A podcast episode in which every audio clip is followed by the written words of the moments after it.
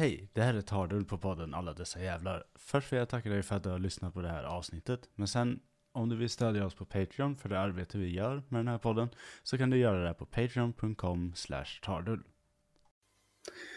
Hej och välkommen till Alla dessa jävlar. Idag är det inte vilken dag som helst. Idag är dagen då Sverige var så inte korrupt att tysk polis stormade ett av våra eh, bankkontor i Düsseldorf. Vilken härlig dag. Och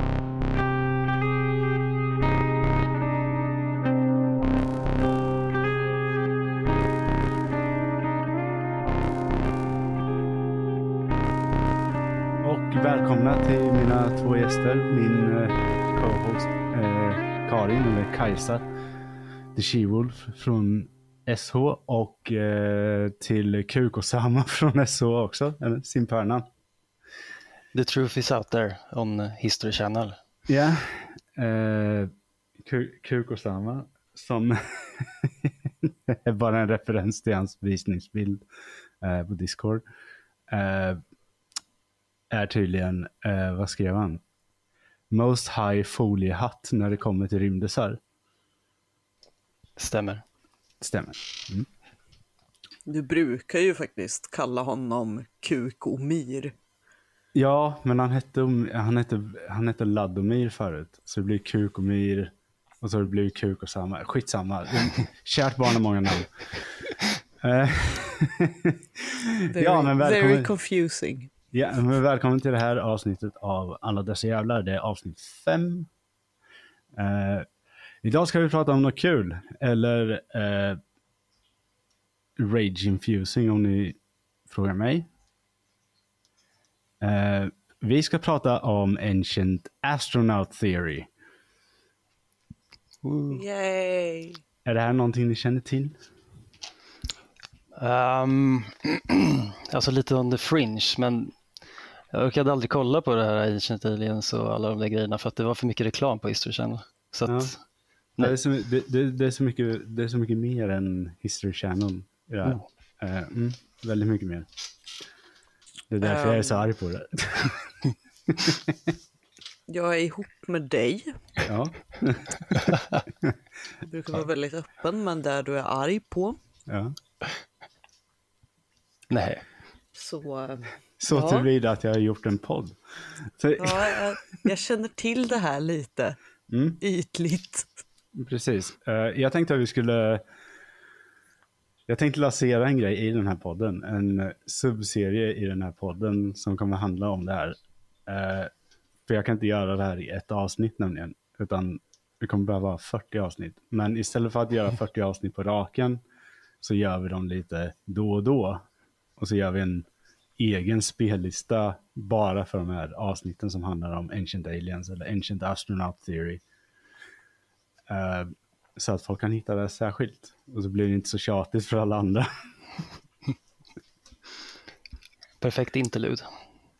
Jag, jag gillar att du bryr dig om alla andra så här mycket. Ja, jag vet, men, det... Men, eh, det, Men mig inte. ja, men, du. ja, ja. Mm. Nu ska vi hålla på här. Mm. Mm, mm, mm. Nej, men jag jag kommer tänkte... ihåg när du väckte mig mitt i natten och var tvungen att berätta om någon sån här grej. Ja, jag vet. Jag försökte sova, Stefan. Ja, jag vet. Men nu, nu slipper du ju det här, för nu får jag ju ventilera mig i podden istället. Inför hela jävla världen.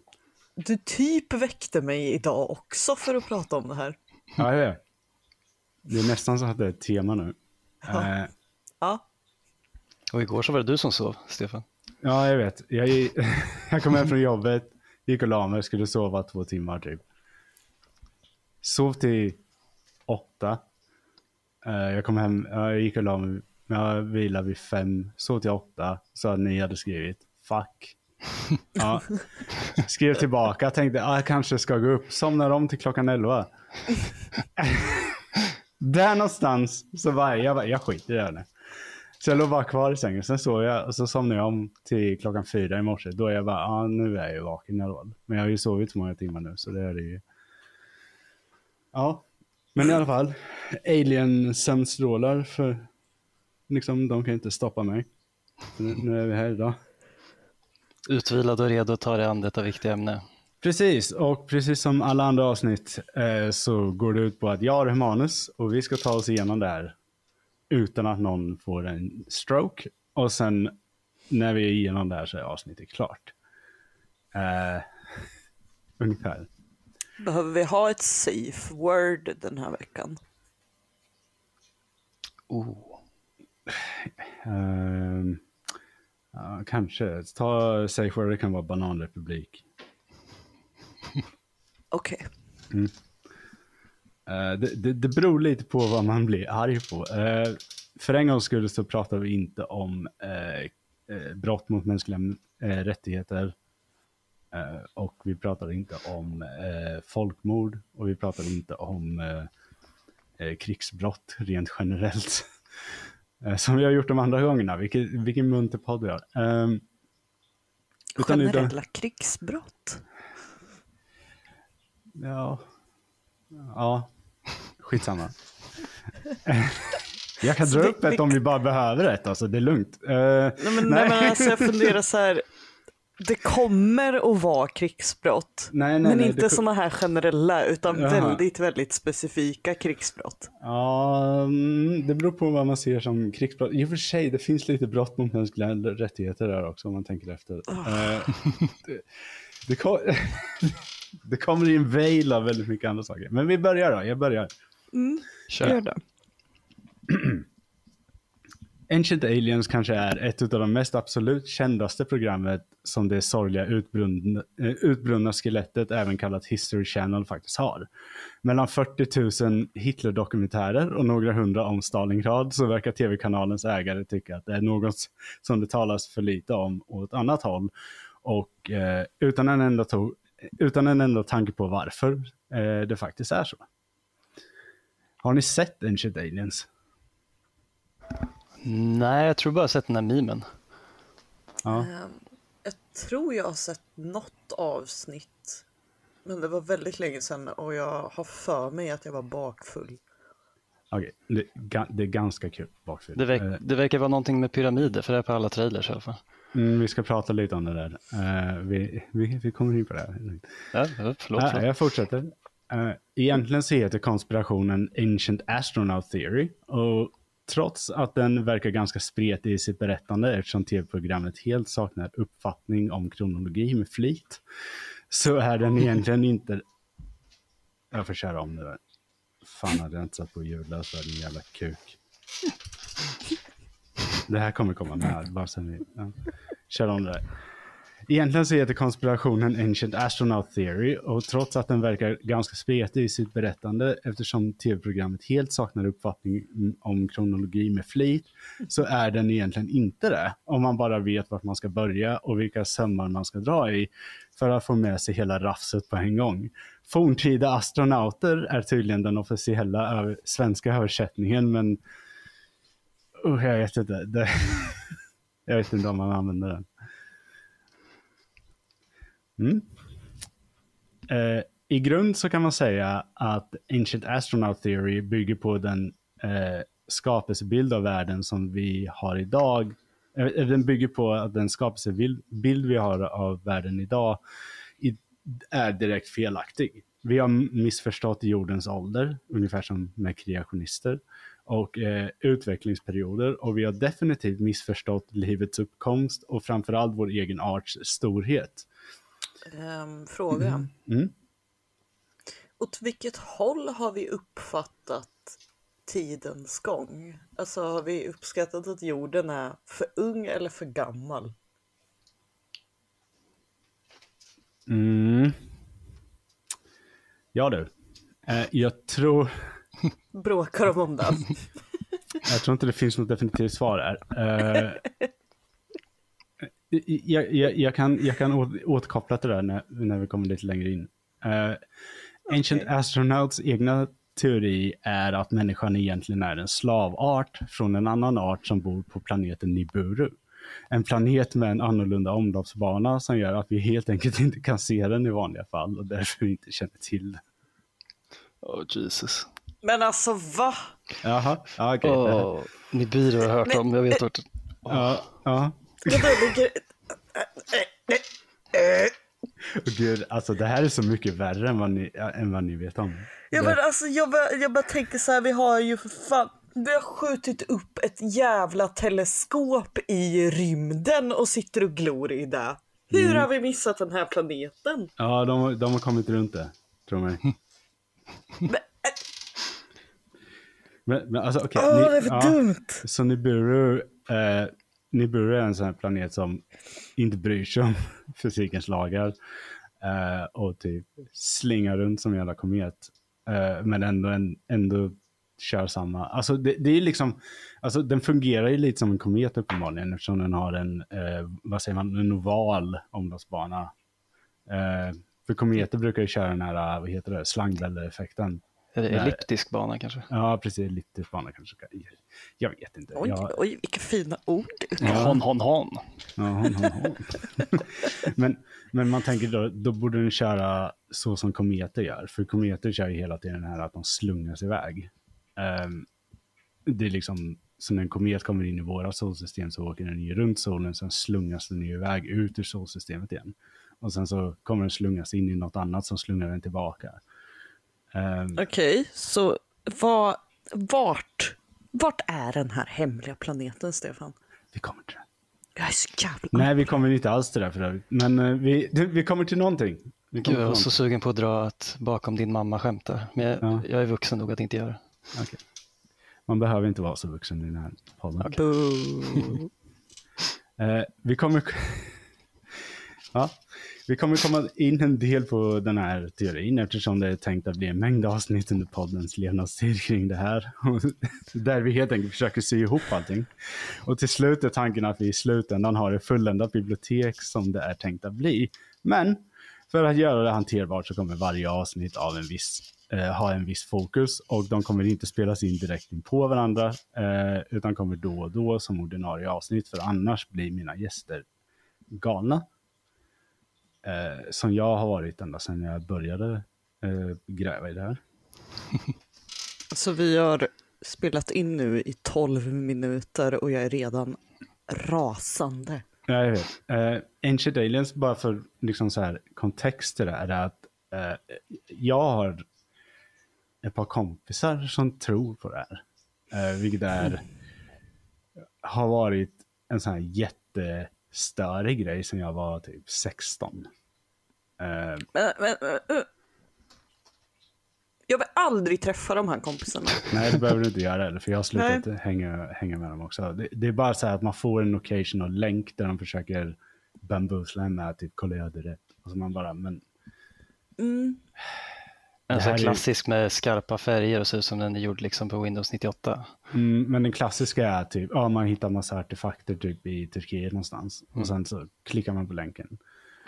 Eh, och så finns det inte, det går inte att få reda på vilka artefakter det här är. Och det finns aldrig några follow-ups. Utan Det, man det är hittar- bara Mm, Den är ganska typisk. Eh, art, artefakter. Ja, vi kommer göra ett avsnitt om eh, problem med falska artefakter. eh, någon gång i framtiden. Det är ett riktigt problem. Eh, men de här tar ju alla falska artefakter som eh, bekräftelse på att de har rätt. Eh, Det är så, åh, det är för boomer. Mm. Ja, ja, jag fortsätter i manuset. Eh, därför kommer vi mest snudda på ett visst antal böcker och delar av teorin i det här avsnittet. Och inte gräva oss ner fullständigt på direkten, vilket vi redan har gjort. Eh, för även om dessa konspirationsteoretiker har, teoretiker har en mental mind blown så tror jag risken är överhängande att skallben faktiskt smäller av er om vi skulle liksom gräva ordentligt i det där direkt. Så. Många galaxhjärnor har kommit och gått och mängder av böcker, hemsidor i grön text och bildförfalskningar och verkligt, verkligt förfalskade artefakter har följt i efterdyningarna. Men precis allt det här startade egentligen bara med en man och hans närhet till bronsålderns ruiner och historier. Och denna man, han hette Zechariah Sitch- Sitchin. Har ni hört det namnet? Nej, jag vill veta när han är ifrån. Han är född 1920. Oj, Okej. Mm. Är han död? Ja. Ja.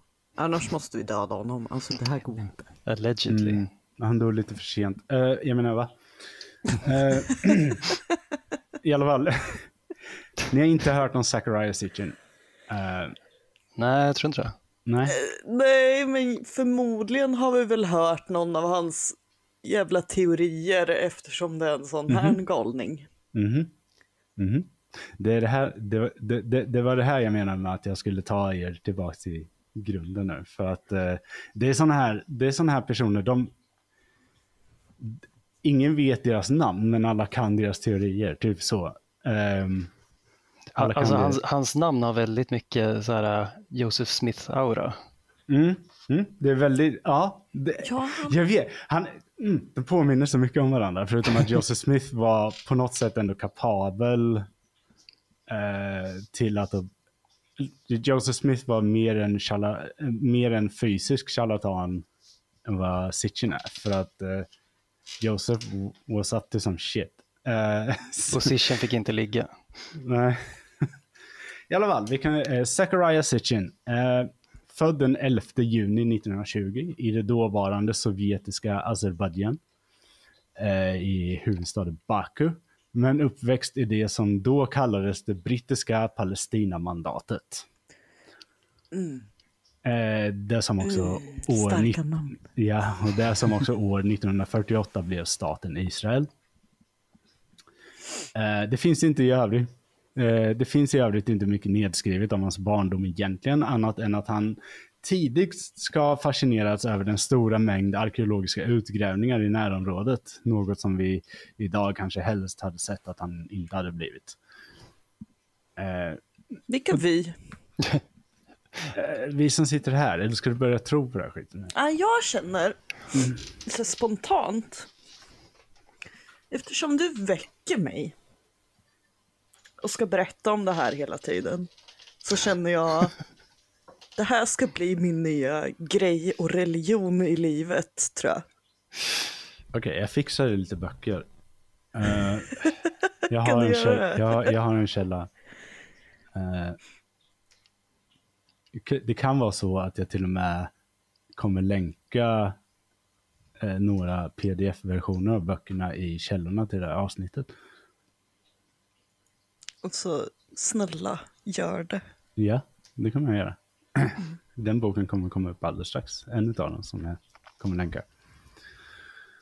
Eh, det, det, här skulle dock inte prägla hans senare utbildning i någon nämnvärd vad, eh, nämnvärt vad gäller ämnesinriktningar i alla fall. Han ska ha tagit en ekonomiexamen på University of London.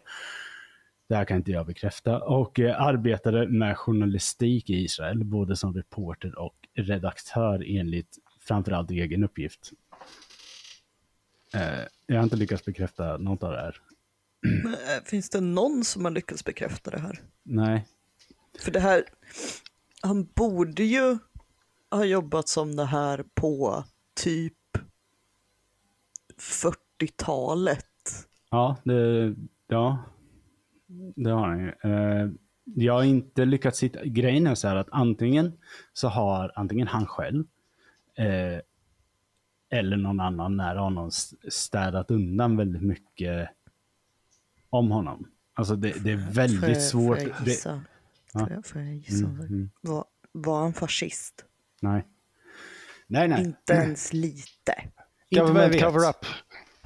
inte, inte vad jag vet. Uh, grejen är så här att um, mycket undanstädat, men jag tror också att det kan vara på grund av att de som följer honom skriver ju om hans namn om den, genom den här alien-grejen.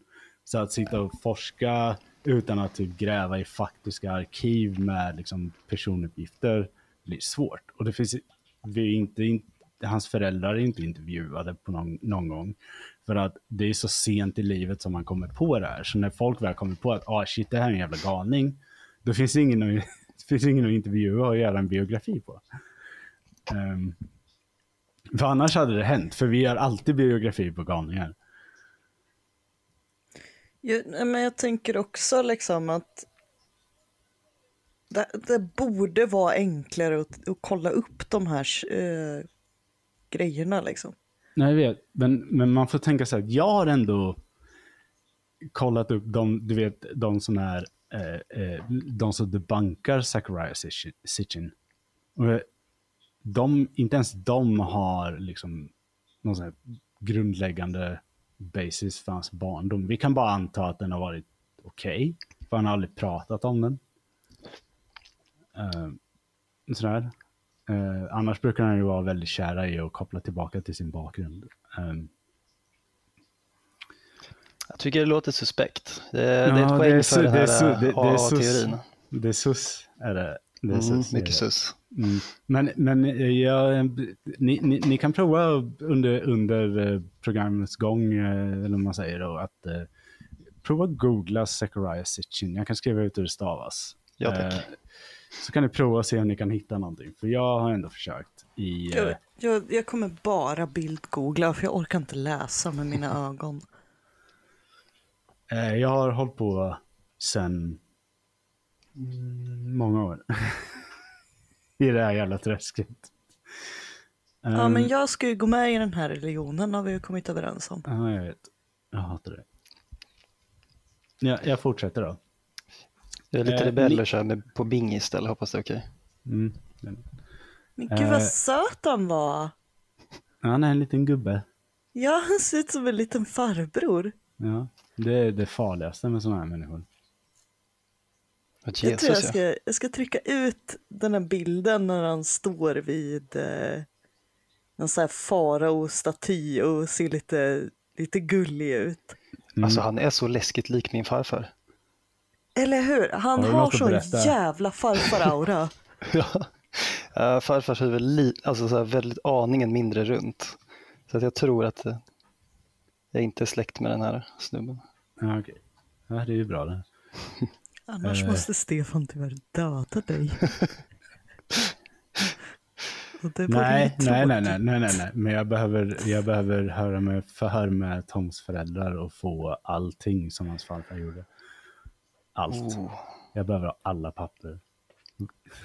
Det är, ungefär, det är ungefär som jag funderar på om man skulle ringa till, eh, till hon eh, Barbara som äger, eh, ägde internationella engelska skolan och fråga varför det var så viktigt att de flyttade från Tyskland 1946 och varför de bytte efternamn. Och varför de flyttade ut av sin farsa, vilket jag antar är för att han var nazist. Men... Why you have to be mad? Jag, bara, jag kollade bara upp hennes Wikipedia-sida och tänkte, okej, okay, för det första har hon skrivit det här själv. För det andra, väldigt, väldigt mycket konstigt här i hennes barndom. Jaha, den börjar 1946 och de bytte efternamn. Mm. Alltså jag har, jag har hittat en grej på Twitter ja. som är någon som delar namn med den här eh, gamla historikern. och han delar bara länkar till Facebook, um, YouTube och um, ja, men bara Facebook och YouTube-länkar. Uh. Jag vågar inte trycka på någon av dem. Nej, gör inte det. Gör inte det. Uh. Jag vill väldigt gärna. Ja, jag fick, jag fick en jättesöt GIF. Ska vi se. Det kan inte jag visa för er nu. Skitsamma, det här kommer jag klippa ut ändå. uh, men jag fortsätter i, uh, i manuset då. Uh, 1952 ska han dock ha flyttat till New York igen efter, utefter egna uppgifter. Och där kommer han sen vara bosatt ända till sin alldeles för sena bortgång 2010. Uh,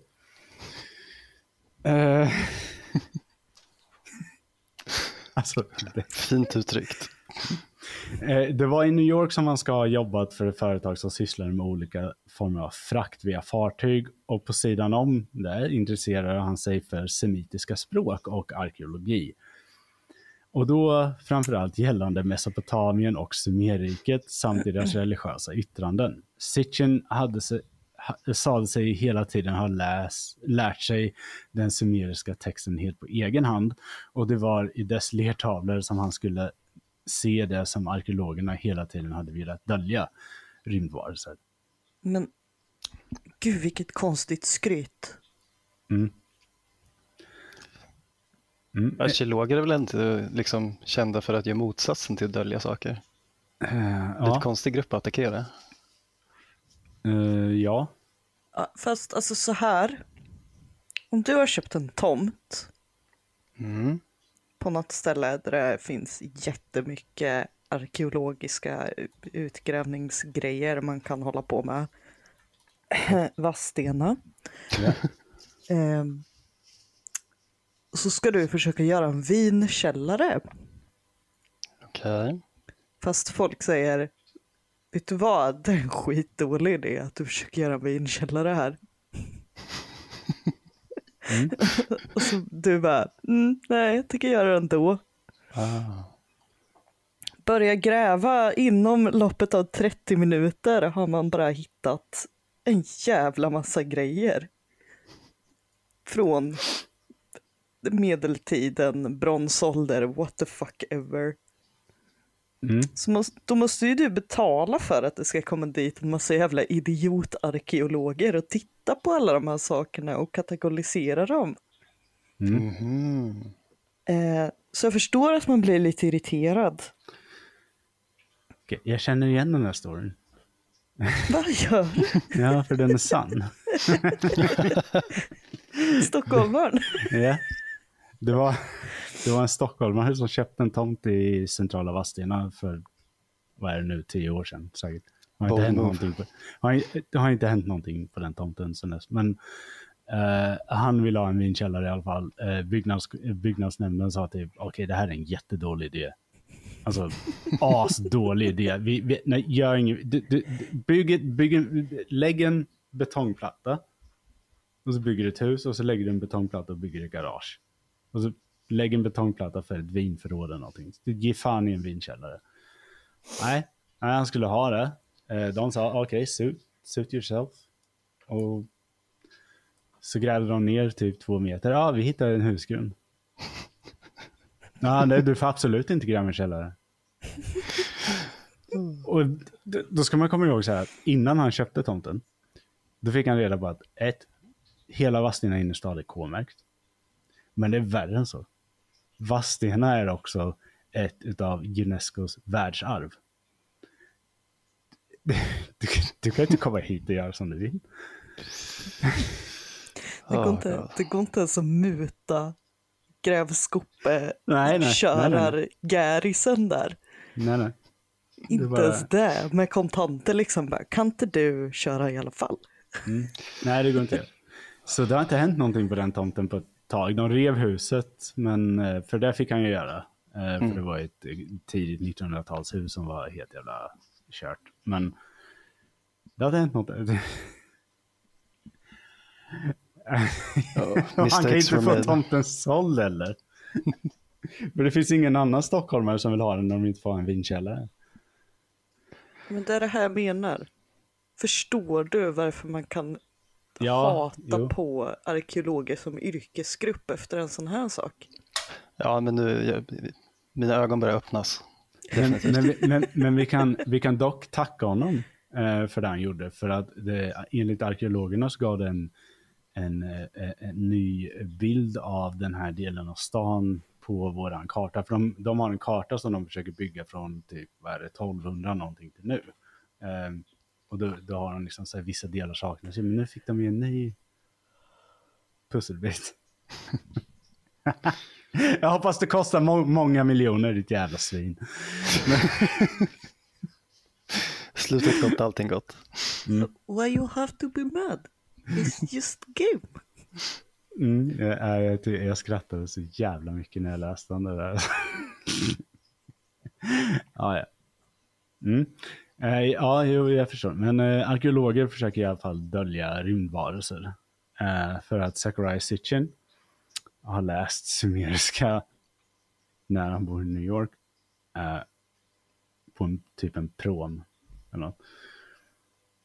Eh, Zachariah Sitchin var egentligen inte nödvändigtvis först med att släppa böcker kring denna pseudohypotes. Eh, men som jag sa i början så handlar det här om att forma en förståelse för hela fenomenet. Och Zachariah är väl den som till slut hittar någon form av början till deras alternativa historia om människan. Det finns nämligen andra som började redan runt 50-talet att beskriva den. Eh, folk som Sagan och Slokowski. Eh, samt den kanske mer allmänt kända galningen Erik von Däniken. Eh, dessa tre väldigt produktiva författare är däremot väldigt mycket mindre sammanhängande än Sitchin. Eh, och eh, de kommer få egna avsnitt, men eh, som sagt, vi, ja, det finns många galningar att ta tag i här. Um, men, men alltså var det, var det här, de här andra människorna, mm. de här inte, inte Sitchin-killarna, ja. var det mer så här sci-fi historiker Mm, som vad ska man säga? hitta på man... något, för annars fick inte de ligga. Nej, men hur ska man förklara Erik von Däniken? Uh, förutom att han har ett jävligt, jävligt marknadsförningsfördelaktigt namn. Erik von Däniken är väldigt så här... Slagkraftigt som tusen. Ja, det, det, det liksom man känner igen det. Um, och sen, det är mer att de hoppar mellan olika arkeologiska platser på ett sätt som inte Sitchin gör. Sitchin är väldigt mycket mer fast vid just Mesopotamien, Sumerien, Akadien. De civilisationerna och deras texter. Mm. Eh, men de andra typ, vi säger eh, från Daniken, han hoppar ju mellan allt från eh, Libanons eh, eh, romerska eh, tempel till Pumapunku i Sydamerika till eh, Nazca-linjerna i Sydamerika, liksom Chile. Så alltså, han, han är inte ens inom samma tidsperiod? Nej, han tror att han är det. Okej. Okay. Uh, eh, men han förstår... alltså, det, är någonting, det är någonting som är så kul med att han tar upp typ Pumapunko och Påskan och sådana grejer. Erik von Däniken alltså. För att det låter ju som att det är asgammalt, men grejen är ju så att det där är ju, det, det där är ju senmedeltid, kanske tidig renässans, som de här ställena byggs. Um, okay. Alltså om man säger enligt eurocentriska standarder. Uh, så jag menar, det, det, ja, bara för att det ser ancient ut så är det inte antikt. Alltså, det, men han har ju fått för sig det i alla fall. Uh, så antagligen kom det utomjordingar typ år 1400 och byggde Pumapunko. Och att är inka-indianerna, skitsamma. Um, Fast först var de här i Mesopotamien och ja, byggde saker precis. och skrev. Ja. Gav oss kilskriften och sånt. Mm, ja, mm, okay. jag tror det. Mm. I alla fall. Jag försöker bara, jag ja, försöker ja, ja, jag vet. Jag, se vi, logiken i det här och jag, jag gör vi, det inte riktigt. Nej, men vi kommer, nej, nej, nej. Det var därför jag sa att vi skulle börja med Sitchin, för att det finns en logik här. Jag har uh, frågor. Ja, det är helt okej. Okay. okay. Jag ska läsa nästa stycke och sen kan, ni, eh, sen kan du ställa lite mer frågor. Och eh, ni kan båda göra det. Men för att nu kommer det. Nu. Uh. Sitchin släppte sin första bok Den tolfte planeten år 1976. I den beskriver Sitchin planeten Nibiru som enligt sumerisk kilskrift enligt honom själv, ska vara en planet med en avlång av, eh, omloppsbana, avloppsbana, omlopps, omloppsbana runt solen. och genom det passerar vårt solsystem var 3600 år. Ja, ni kanske också tycker att det är lite udda att han kallar den just för den tolfte planeten. Eh, och om vi räknar med Pluto, eh, som på den tiden han skrev skiten, så blir det ju ändå bara nio, eller hur? Ja. Jag tror det på ett ord, jag gillar inte siffror. Mm. Han räknar också med solen och månen som planeter. Så att... Hä? Mm. Så det blir Men... 12. Så det blir den tolfte planeten. Nibiru är den tolfte planeten. Ja. Han borde ha kallat det himlakroppar, men det, han gjorde inte det.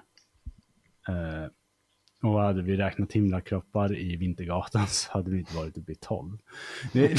men Stefan, han är historiker, inte astrolog. Nej, han är lika med, han är precis Astronom. Astro, Ast fan, jag kommer aldrig ihåg. Astrovetenskap, visst. Mm. Rymdtittare, forskare. forskare. Mm, han, Stjärngaris. Han har ju fått lite skit för han har ju sagt hela tiden att han är ett, eh, liksom ett proffs på sumeriska genom hela sitt liv. Och sen folk som kan sumeriska bara, eh, nej, nej. Men det har ju inte hindrat honom. Men han känns väldigt mycket som de här, eh, de här killarna som gillar svärd och som lär Ja. sig runskrift och börjar Ja. liksom översätta bokstäver till Ja, runor och man bara, Ja, nazister var, som... var nazist- inte riktigt så Nej, runskrift funkar. nazi- för vi, nazi- hade, vi hade ett annat språk då. Nazister som skriver sina namn på Twitter i yngre för Fark. Där har du ju. Ja, Peak, huma- peak humanity. Och man bara, men alltså så där funkar inte runskrift. Nej, jag tänker liksom att vi, ehm, vi har en språkutveckling som har gått framåt i det här landet Mm, det i i, cirka, jag vet inte, tusen år. mm. Något sånt. Ja, ja, det kan man, det kan man säga. Eh, Bara en gissning. nej, du kan inte skriva i runor kylskåp. Det, det, finns ingen, det finns ingen under den tiden som visste vad fan kylskåp var. Ja, i alla fall. Eh, ja. Eh, han har nämligen sett något som andra arkeologer och kunniga inom sumerisk kilskrift har missat. Nämligen det faktum att sumererna ska, enligt honom själv, ha räknat in solen och månen som, vilka planet, som planeter, vilket då gör Nibiru till det tolfte. Som vi alla förmodligen redan vet så är det inte riktigt sanningsenligt. Det är just på det här sättet man får ihop forntida astronauteteorin. Genom lite sanning, forcera in lite tveksamheter som inte finns, skarva på en egen tolkning med lite Biltema-tejp och så voila! Den tolfte planeten med färdiguträknad om, omloppsbana träder fram. Eh, Jag tycker det låter lite rimligt fortfarande. Jag är inte helt, helt på er sida än. Vet du vad det här avsnittet heter? Berätta. Den där gången felöversatt kilskrift blev en världsomfattande konspiration. Men vi ska prata lite om det där. Jag är, ehm, jag är tveksam till att vi aldrig har sett den här planeten ens när Eh. vi har tittat ut genom Hubble-teleskopet på Mm. andra galaxer. Mm, Man kan ju tycka att det är lite convenient att den kommer 3600 år, var 3600 år, när den tidigaste sumeriska kilskriften vi känner till råkar vara just ganska exakt då. Ja, men det jag tänker också, det är ju liksom att ehm, för att det här ska funka så borde det ju vara så att den här planeten lyckas konstant röra sig utom synhåll för oss Ja, med alla de här komplicerade rymdverktygen vi har idag. Mm. Men eh, kommer du som vi ihåg? kan vrida på och titta åt alla jävla håll och kanter. Mm, men man kanske kan, jag kanske kan dra tillbaka det här lite till något mer mainstream. Kommer ni ihåg att man pratade, pratade om eh, planeten X? Ja. Att eh, det är anledningen till att eh, Uranus har en eh, tilt, eller vad säger man? En, um, Uranus Ja. ligger lite mer diagonalt, om man säger i Vad är det de cirkel. Det heter någonting typ eh, solsystemsplanet eller något, sånt där, vad heter det?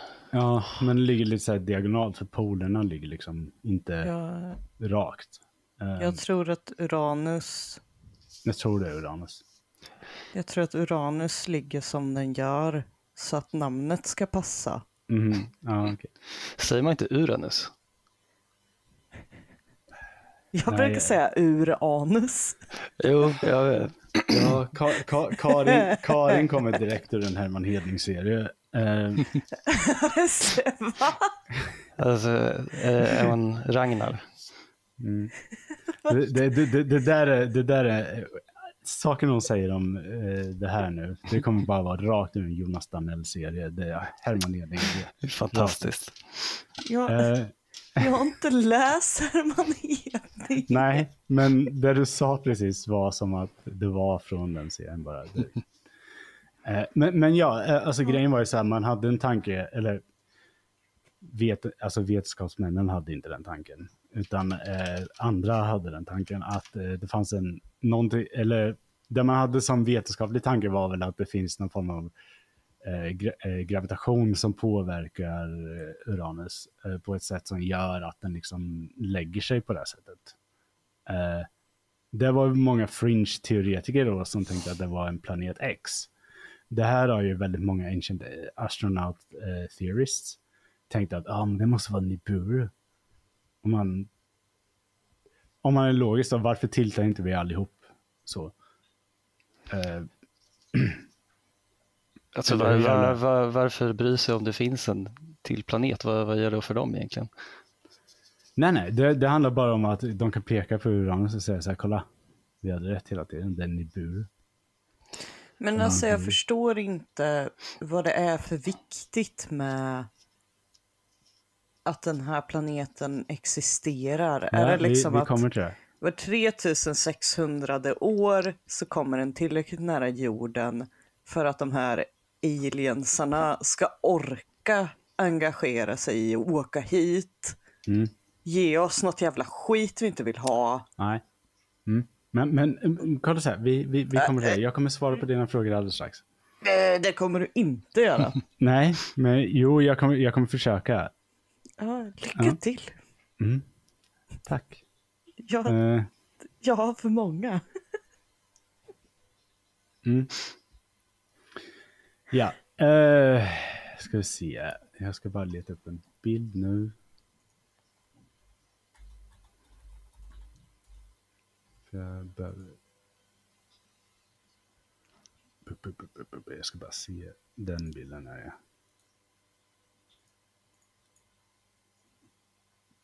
Åh nej, jag råkade klicka på länken. Vad är det?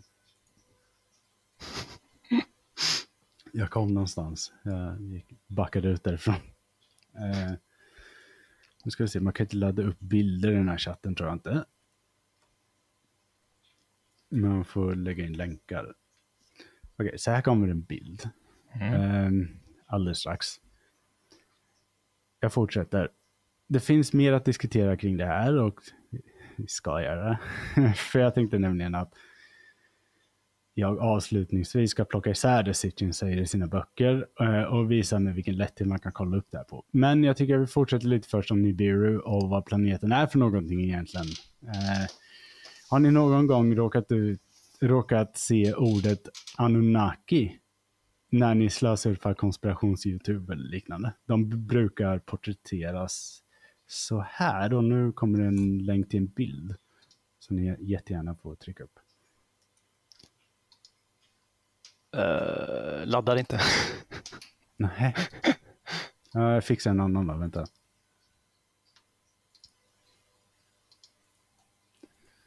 Helvete.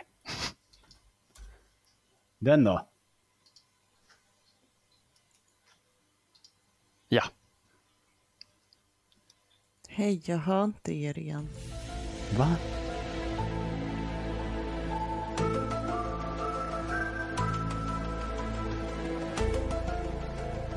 Det finns mer saker att diskutera kring det här och det ska vi göra. För jag tänkte nämligen att jag avslutningsvis skulle plocka isär det Sitchin säger i sina böcker och visa med vilken lätthet man kan kolla upp det här på. Men jag tycker att vi fortsätter lite först eh, om Nibiru och vad den planeten är för något egentligen. Eh, har ni någon gång råkat ut för ordet Anunnaki när ni slösurfat på eh, konspirations-youtube eller liknande? De brukar porträtteras ungefär så här och nu kommer en bild i chatten.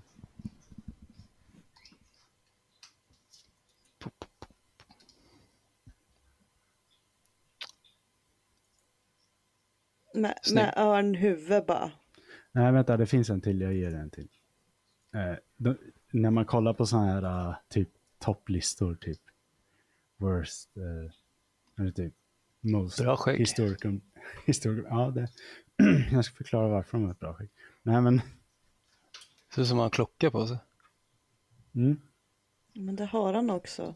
Mm. Du ser ju att det är en Apple Watch. Ja men, de har, ja, men de har en form av klocka på sig. Men, uh, mm. det, det, är en av anledningarna till att det används som en Anunnaki. Just för att klockor fanns inte då, utan människor levde utanför tid och rum. Uh, Eller nej, vänta. det gjorde den inte alls. I alla fall. De hade ingen Det- Apple Watch i alla fall som han... Nej, nej det hade de inte. Eh, det här är i alla fall någonting som är väldigt vanligt i eh, den kretsen. När du kollar typ så här uh, topplistor på YouTube exempelvis med typ strangest historical artifacts eller någonting eller strangest historical mysteries eller någonting. Och ordet Anunnaki dyker upp. Då dyker alltid de här eh, äh, vet, avbildningarna upp också. Oftast. Det finns en förklaring till det. Um, men. Eh, Anunnaki i alla fall. Det kanske är ett av de orden man ser absolut oftast när det handlar om diverse konspirationer gällande allt från Egypten till Mesopotamien. Eh, och jag ska säga det till alla som tror på den här teorin att Egypten och Mesopotamien är inte samma ställe. Bara så ni liksom är med. Eh, och det förekommer nästan alltid just i forntida astronauter. Eh, anledningen är att Sitchin skriver i sin bok Den tolfte planeten att dessa som bor på Nibiru, eh, att det är dessa som bor på Nibiru och att det är dessa som är våra egentliga slavmästare. Sitchin argumenterar starkt för att dels så nämns dessa i de sumeriska texterna och ordet i den sammansättningen eh, verkar dock inte alls förekomma. och att det skulle betyda något i stil med folk med eldiga raketer eller något liknande.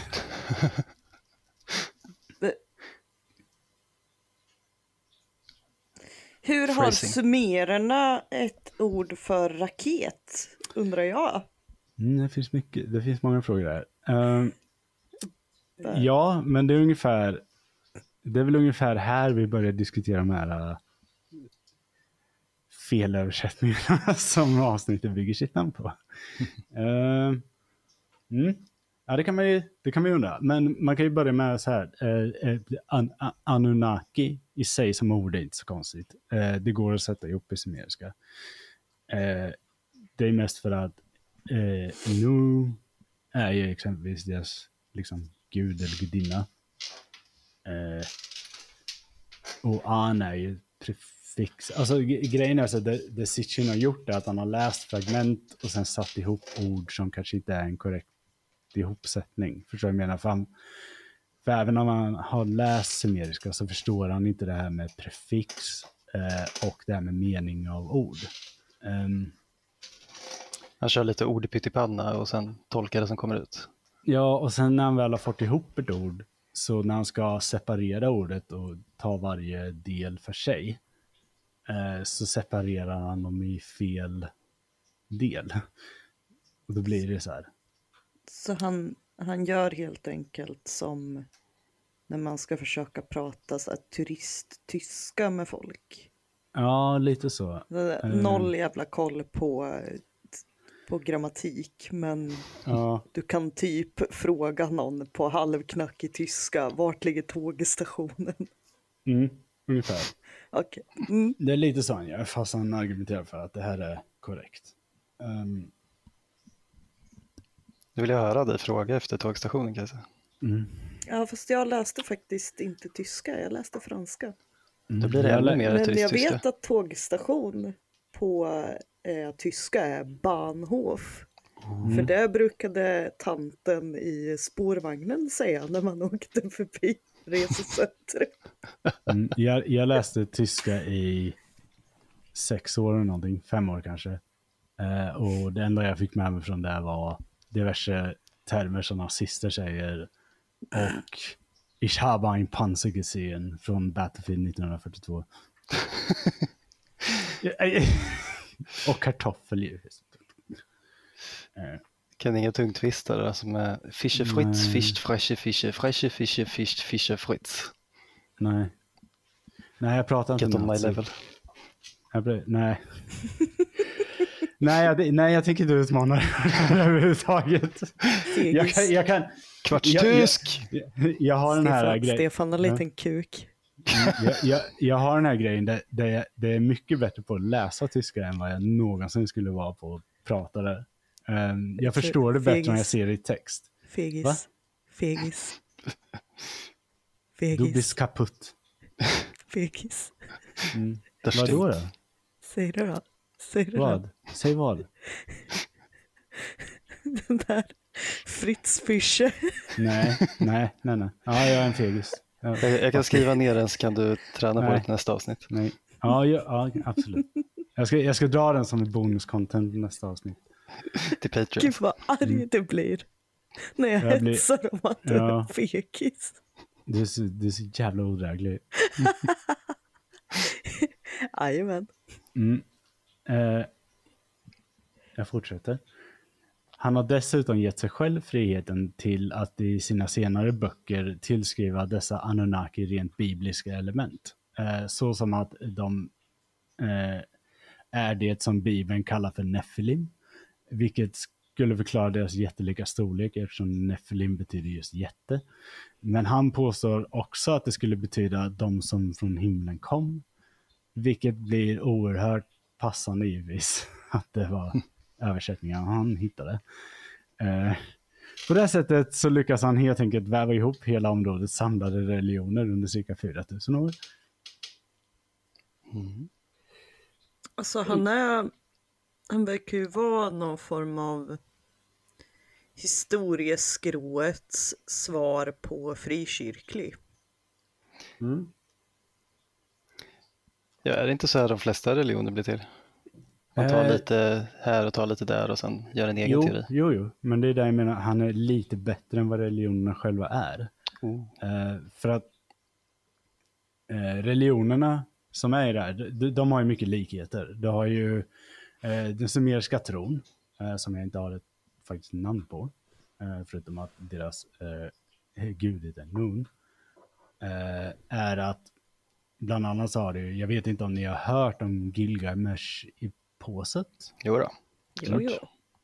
Mm, och där har ni ju väldigt många eh, referenser som kan dras till Bibeln exempelvis. Det har ju en syndaflod, bland annat. Eh, och lite sådana grejer. Så det finns Väl- absolut kopplingar. Jungfrufödsel är väl ganska vanligt också i Ja. liksom, de flesta religioner.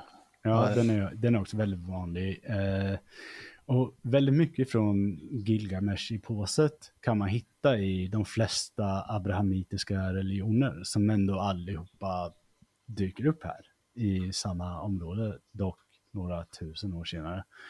Eh, för ska, vi ska komma ihåg det att när Gilgamesh skrevs, alltså när sumererna skrev Gilgamesh, det, det är alltså det är 3600 år före vår tideräkning.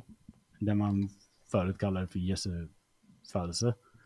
Eh, det, det är ändå, det är ändå 2000... Ja, ja, det är 3600 år före kristendomen egentligen. Det är ju åtminstone 2600 år ungefär innan romarriket eh, föds som ett kungadöme långt innan liksom, republiken. och det. Är ändå ganska, ja, judendomen är väl äldre i och för sig. Uh, men det, det är ganska, det, det är fortfarande kanske tusen år innan judendomen som det här skrivs. Alltså på något sätt det här konceptet tid. Och, och hur långt det här är. Alltså det är närmare Jesu födelse än närmare oss än vad den är sumererna som skrev Gilgamesh. Ja, det är ganska fakt. Men alltså jag tänker liksom att ehm, de här temana i Gilgamesh-eposet som eh, har överlevt och tagit sig in i Bibeln. mm, Det är ändå ganska starka teman som folk känner igen eller liksom blir berörda av. ja, eh, och vi har ju exempelvis då den här syndaflodsgrejen. Det tros ju vara förmodligen någonting som har hänt på något sätt. Alltså sen att det har beskriv, överdrivits i beskrivningarna eller så här, det är en annan sak. Det är förmodligen ett kat kataklysmiskt event som har hänt för att vi har sett den storyn dyka upp oberoende av varandra. Ehm, så, det finns, ju- alltså, så det finns ju någonting i det. Problemet är ju bara att det Sitchin gör är att han tar allting inom 4000 år och bara, det är samma sak. Och det är genom det här. Eh, Det hände ingenting i kulturen på de här fyra Nej. åren. nej, allt var bara sand och öken som vi känner det idag. Och Eh. eh, det, var, det var precis likadant hela Det är, tiden. nä, det är nästan som att det För finns en människan, rasistisk... människan är inte en art som utvecklas överhuvudtaget. Nej, det är nästan som att det finns en rasistisk underton här. Vi kommer det. Ehm, I alla fall. Eh, så vad gör de här galna gudajättarna egentligen? Jo, de samlar nämligen guld i vår atmosfär. Va, Äh? varför? Om de... Nej, nej, nu... Nu kände jag. Mm. Kan, kan, kan jag, jag kände fort- känslor kan, här. Kan du, ja, kan, du, kan du hålla dem, bälta dem en stund? Där kommer börja. Jo, för de samlar nämligen guld i vår atmosfär. Men eftersom de hade en pinne i röven och ansåg att det här viktiga, den här viktiga och ädla metallen som var en förutsättning enligt Sitchin för deras arts överlevnad på Nibiru eh, så skapade man människan för att utföra det arbetet och man ansåg sig stå över sådant slavarbete. Kapitalismens klor kan ha kommit till Nibiru och, sådant, och, och i sådant fall så har det redan tagit över galaxen och det är dags för oss andra kommunister att gå hem. Vad fan, nu kommer jag mardrömmar ju. Ja, Får, får jag ställa... ja du, får, du, du får eh, koppla loss bältet. Okej. ehm, om det är så här att den här eh, överlägsna alienarten som vill ha allt vårt guld. Mm.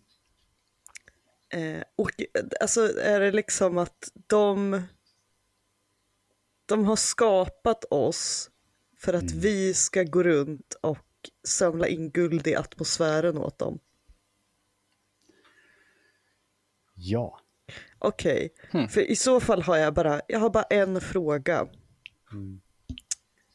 Eh, företag som till exempel Lundin Gold, Mm.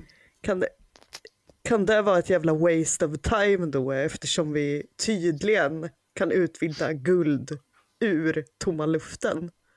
Eh, ja, det, det, det finns lite hål i den här teorin. Det, gör det va? Jag, Men, eh, jag kände känslor nu. Ja, för jag tänker så här att eh, jag förstår att många människor på den här jorden har olika uppfattningar om livets uppkomst, om jordens uppkomst och om eh, evolution och sådana grejer. Det här är lite far beyond that. För att nu ska vi komma ihåg att det finns noll bevis för det här. Det, det är liksom, alltså grejen här skriver ut det här som det mest självklara som finns. Eh, jag har läst den tolfte planeten. Och det är liksom... Varför då? Ja, jag gjorde det i början av min debunka-karriär, så typ när jag var 16 eller något. Varför hatar du dig själv Stefan? Nej, det var, jag, jag skyller på min bibliotekarie. Eh, Åh, var du ett jobbigt barn inne på biblioteket? nej, men vi, vi kände ju, vi var ju, vi var ju med i samma rollspelsförening. Eh, och då hade han sett någon gång att jag satt och eh, googlade och där. Och sa han så här, du vet att vi har ett par böcker som inte är för utlåning, men som li- liksom ligger kvar. Jag bara, jaha. Och då sa han, ja, bland annat eh, Zachariah Sitchins, Den tolfte planeten. Och sen läste jag den, blev svinarg och sen så har jag aldrig slutat med min korståg. Det, Riktigt bra origin story. Mm. Men i alla fall. Eh, ja. Så, ja, det, alltså det, det är det han tänker att... eh, alltså att det, det, deras grej är att de använder oss som en slavras för att liksom samla guld. Eh, Men alltså hur, hur kom man fram till att det var just guld som var det viktiga här och inte... Eh, ja... Järn eller... Jag tror inte det finns så mycket järn i atmosfären kanske. Mm, så om jag minns rätt eh, så tror jag det har med att göra att eh, när Zachariah Sitchin argumenterade för det här, eh, då ska vi komma ihåg att vi inte hade den typen av elektronik vi har idag, så vi hade inte någon direkt egentligen användning av guld annat än att det är bling. så jag tänker att han tänker att den onödiga brytningen av guld i den mängden vi bryter guld skulle förklara ett annat. Eh, Varför lyssnar vi på sådana galningar? Dock, dock är det ju så här att guld är faktiskt eh, den metallen som vi vet, to our knowledge today, leder ström bäst. Jag vet, men, det, men när han skrev det här 1978, då hade vi inte riktigt samma typ av användande av guldet i elektroniken på kretskorten. Det kommer, det kommer ju då, men det är inte allmän kännedom. Och vi får tänka på att Zachariah, han jobbar på en prom och skriver om sumeriska texter. Han vet för, för fan ingenting om kretskort och guld. han var före sin tid. Uh, nej, nej, ja. Mm. ja, jag vet inte om han är före, efter eller bara inte med i vår tid. Uh, han har en egen tid mm, som han vill vara i. Ja, det, ja, det, ja. Det, det, blir bara värre ju längre man går i den här teorin. Alltså, det, för, för jag menar, det är det jag tänker att han gör. Han slänger ut det här ordbajseriet. Sen skriver han typ 14 böcker till och så försöker han liksom förklara sitt ordbajseri hela tiden. Det är därför han drar in Bibeln och det här, för att det är mycket lättare att bara använda sig av metaforer som ingen förstår. Förutom, det är jobbigt när det kom teologer, för att då blev det problem med de här bibliska jämförelserna. uh, vi kommer till det också. Ska vi se. Det är mycket att packa upp här. Jag vet, jag har gjort så bra jag kan uh, okay. i det skrivandet. Men jag, uh, fattar, folk... alltså jag mm. fattar fortfarande inte guld i atmosfären-grejen. Nej, det är, ing... det, det är många som inte förstår det. Jag fattar. Ja. Jo, det är ju så att du pratade om det innan, det här elaka rymdkapitalismen. Det är något mm. megacorp som har tagit över all liksom, utvinningsrätt i Kuiperbältet och allt sånt där. Så att de här småföretagen, de måste gå till mindre rika liksom, ställen som ja, till exempel jordens atmosfär. Det är totalt logiskt tycker jag. Men alltså, nej, det, det, där fattar jag. Jag fattar kapitalism. Åh oh, nej! Wake up. Wake up sheeple! Jag, jag, förstår kapitalism och hur den funkar. Det mm. jag inte förstår är hur fan utvinner man den här, det här guldet från atmosfären? Men kolla här Karin, de har magiska laserverktyg. Jag vet inte om vi ska... Ja, men... Nej, alltså jag... Men har du sett hur de har format stenan, stenarna i Puma Punko eller? Det är ju, det är laser alltså, de smälter skiten. Ja. Men, i alla fall. Nej, håll Men alltså frågor. varför gräver de bara inte upp guldet från marken? Jag vet inte. Det är ju mycket högre koncentration där. För att det är inte lika coolt.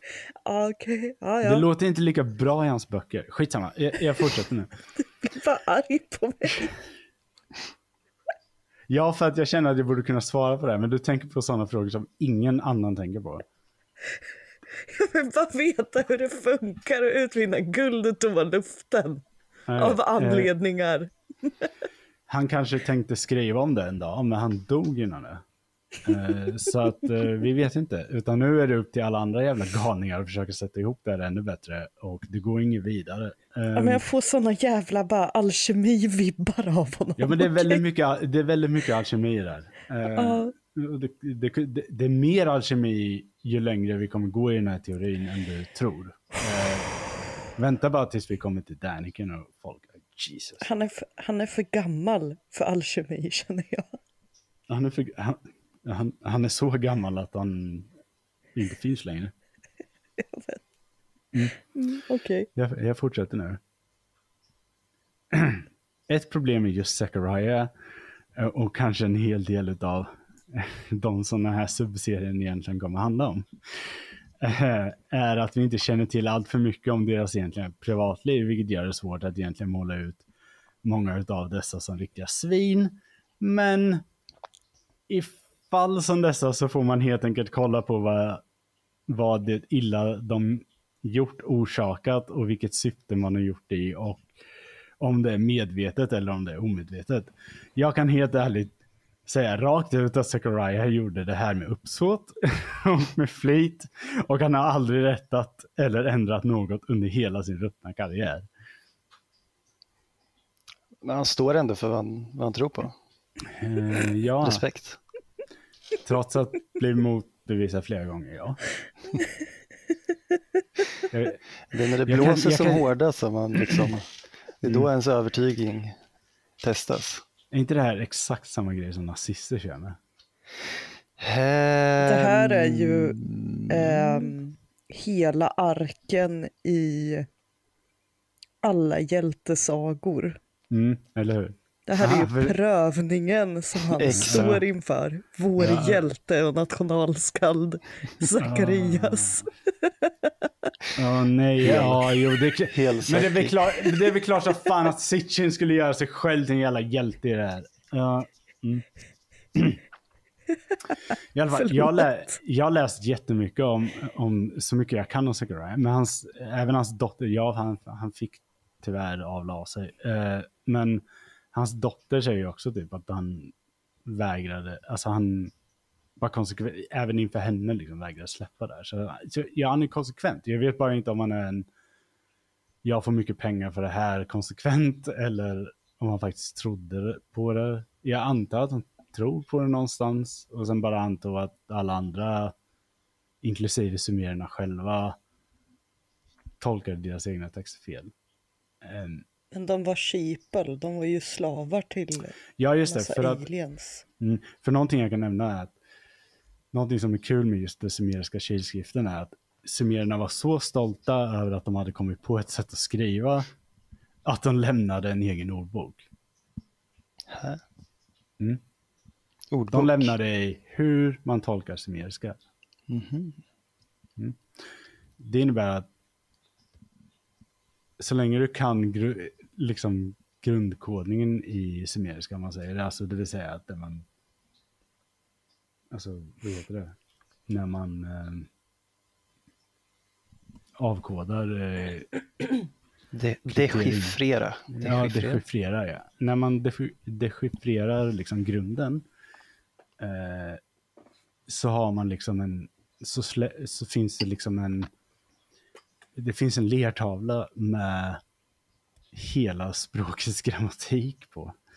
Och eh, i den lertavlan förklarar de bland annat om hur man sätter ihop ord. Vad, eh, vad, att vissa ord har en viss mening i, en viss, eh, i ett visst sammanhang. Och, och hur man tyder på mening.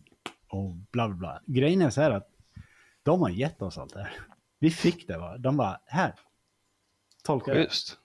Och det är liksom för att de är förmodligen så medvetna om att de är just då en utav få grupperingar i världen, eller i deras omvärld i alla fall, som faktiskt använder sig av skrift. Eh, så det är förmodligen så att de skapade de där lertavlorna för att kunna dela ut till sina handelspartners exempelvis. Eh, för då kunde de lära sig sumeriska och då kunde man skriva kontrakt. Vi ska lära, för du ska veta det här, att så fort vi fick ett skriftspråk så blev det byråkratiskt direkt. Omgående började skrivas lagar. Det fanns en- direkt instiftades en skola. Det är liksom, det finns, vi har typ 300 lertavlor som är en skoluppgift. Eh, där en person har suttit och stavat fel i 299 lertavlor. Och sen så har han fått en rätt. Okej. Och den lertavlan handlar för övrigt om en uppgift om eh, eh, en lärare som blev mutad, vilket är intressant att det är den första skoluppgiften vi har. en, an, en annan skoluppgift handlar om här, om Kalle har två äpplen och Arne har tre. Hur många äpplen har vi tillsammans? För att man var intresserad av matematik samtidigt. Så att, eh, mm. Vi har aliens. Mm. Men, men vi har alla de här lertavlorna, vi behöver inte gissa. Det är liksom, det är så här, typ när du läser hieroglyfer från Egypten. Då kan det ju finnas ett viss mån av eh, krav på att lä- eh, tolkning. Eh, och där kan man ju tolka fel. Liksom. Men det går inte att tolka fel här. Det, Men alltså jag tänker att eh, hi- skillnaden mellan kilskriften i Mesopotamien och hieroglyferna i Egypten, Mm. Det är väl att hieroglyferna, de eh, ansågs vara heliga. Mm. Det var inte till för allmänheten, medan kilskriften mer var ett verktyg för alla, som alla skulle kunna använda. Ja, ja, absolut. Men det är ju också, det är förmodligen därför de lämnar efter sig just hur den här fungerar. Ja, men precis. Eh, ja, men För det, det... gjorde ju inte prästerna som höll på med hieroglyfer. Det var, Nej. ju, nej, det var ju det som gjorde att de stod över allmänningen liksom. Ja, men det är det jag menar att när vi läser de här språken, eh, då blir det ju så här att okej, det här språket har lämnat efter sig hur man för sig det här språket. Det här har inte gjort det. Eh, då blir ju givetvis att hieroglyfer gissar vi på. Eh, och det är fullt av gissningar på hieroglyfer i Ancient Aliens, tro mig. Eh, Men det lär det väl vara i historieskrået i stort. Ja, ja, det är det. Men de här är så fucking wild. Vi tar dem i ett annat avsnitt. Eh, Bitches det- be wilding. Ja, ja, men det finns helikoptrar och det finns glödlampor och grejer. Det, vi, I alla fall, eh, sumererna lämnade eh, sitt språk med eh, ordböcker och grammatikböcker och allting. Och men grejen är så här att när Zachariah Sitchin skrev det här så hade vi de lertavlorna. Det var inte så att det var inte så att han lärde sig det här när vi inte hade de här grejerna. Utan han bara sket i det, helt enkelt. Um, Ja, så argumentet jag skulle vilja framföra är att sådant här, oavsett hur löjligt det kan låta, orsakar enorm skada för bland annat de ämnen det berör som arkeologi och historia, men även eroderar förtroende för andra vetenskapliga institutioner. Eh, för man kommer inte undan det faktum att det här har blivit en ganska stor industri och det har samlat på sig en hel hög med grifters som tjänar pengar på folk som vill se det fantastiska snarare än att inse att vår värld redan som den är, är ganska fantastisk. Ehm, det, ja, det är lite så jag känner. en sak man däremot kan köla, kölhala honom för eh, är hans påstådda kunskaper om den sumeriska kilskriften. Han gör flertalet ödesdigra misstag i sina översättningar som kan förklaras med att han inte verkar ha förstått hur man sätter ihop ord eller hur prefix och ändelser fungerar. Och för att man... Relaterar. Mm. Och, för, att- och för att vara en man som är så kallad lärd i språket, som han gärna påpekade, eh, så är det ganska imponerande då sumererna själva har lämnat oss en undervis- undervisningsbok i, i deras eget språk. Eh, du behöver inte ens ta det från en arkeolog. De har berättat för oss själva hur det här språket fungerar. Och det är så man vet att det är en grift på något sätt. Jag vet inte hur mycket en grift det var för Zachariah, men han levde ju på det här ändå. Eh, Trots det så har Zachariah Sitchin lyckats med bedriften att få vara med i flera olika stiftelser och organisationer och därmed säkrat sin plats i framförallt massmedia och det offentliga rent generellt. Inte minst via sensationslysten tv såsom History Channel och sin Ancient Aliens. Eh, början av början av 1900-talet till sena 1970-tal så präglades alternativ media av sådana här historier hela tiden. Dessa typer av fringe-tidningar var det som egentligen tog upp dessa historier som Sitchin och Daniken bland annat skulle släppa böcker om. Var det Men samma, samma sorters tidningar som hade såna artiklar om folk i Sydamerika som hade Jesus på sina bröd? Eller när de rostade bröd? Ja, du, du har ju den här typen av tidningar. Eh, typ Weird Tales och sådana grejer har ju funnits. Ja. Ehm, och liknande tidningar kom ju under 70-talet. Vi hade väl eh, parodin på den är väl en Ding Ding Värld. Men Mhm. eh, i alla fall, det, det fanns mängder av sådana här tidningar som pratade om kryptologi och spöken och ufon och bla bla. Och de blev ju alltid publicerade de här. Eh, jag ska, ska försöka ta fram lite exempel till nästa gång vi pratar om den här teorin så kan man få se på det. Men Eh, är det inte så att i USA så har man en, en lite annan tabloidkultur än vad vi har i Sverige. Så där så har de de här jätte... Alltså det, det, det är som alla Aftonbladet plus-artiklar på schack. Ja, men alltså du har ju, vad, vad kan jag dra för exempel? Jo, eh, kan du exempelvis här, eh, i, eh, i eh, X-Files eller ArkivX eh, så eh, prenumererar ju Molder på sådana här tidningar. Mm. för att, du vet, han, inte för att han, han ska ju frams, framstå som en sane skeptiker eller något, men grejen är så han han prenumererar ju fortfarande på dem för att det, han är ju fortfarande intresserad av det. Det finns fortfarande de här. Tänk dig typ, tänk dig typ som i Sverige hade vi förr damtidningar, eller herrtidningar menar jag. Det är typ Slits och Café och sådana grejer. Fast istället för det så är det Alien och Monster. Och så har du liksom Bigfoot Hunts och eh, liksom eh, UFO abductions och sådana grejer. Och så är det liksom en veckostory om sådana skit. Lite The Sun eller vad heter Jo, Sun heter den, den här brittiska tab. Ja, ja Sun. De är också sådana här fantastiska. The Sun fast liksom mer fantastisk ändå. The, the, the Sun, sun på Chuck. Det, det, är som att det, mm. alla på The Sun har dragit en jävla massa amfetamin. Och I sen, fyra dagar. Ja, precis. Och sen bara dragit ut till Utahs öknen. Där det finns en kvinna som heter Marjorie. Och hon har minsann blivit kidnappad av utomjordingar. Eller så har hon sett hattifnattar. Det är liksom... Och gift sig och blivit gravid. Ja, jag vet. Och så har du typ så här, då, så har den här uh, ranchägaren i Texas, uh, han är helt övertygad oh, om att Skinwalker det är, Ranch. Ja, han är helt oh, övertygad om att det är El Chupacabra som ätit upp hans kor. Typ, eller suger blod ur hans kor. Men jag menar, den här typen av tidningar uh, säljs oftast på bensinmackar uh, och folk liksom tar upp det. Folk tar det oftast inte seriöst, men det, det finns ju folk som gör det också. Det är ju liksom det som hela, hela X-Files bygger på den här idén. Att de här tidningarna egentligen kanske har rätt. Ehm. X-Files är en dokumentär, tack. Ja.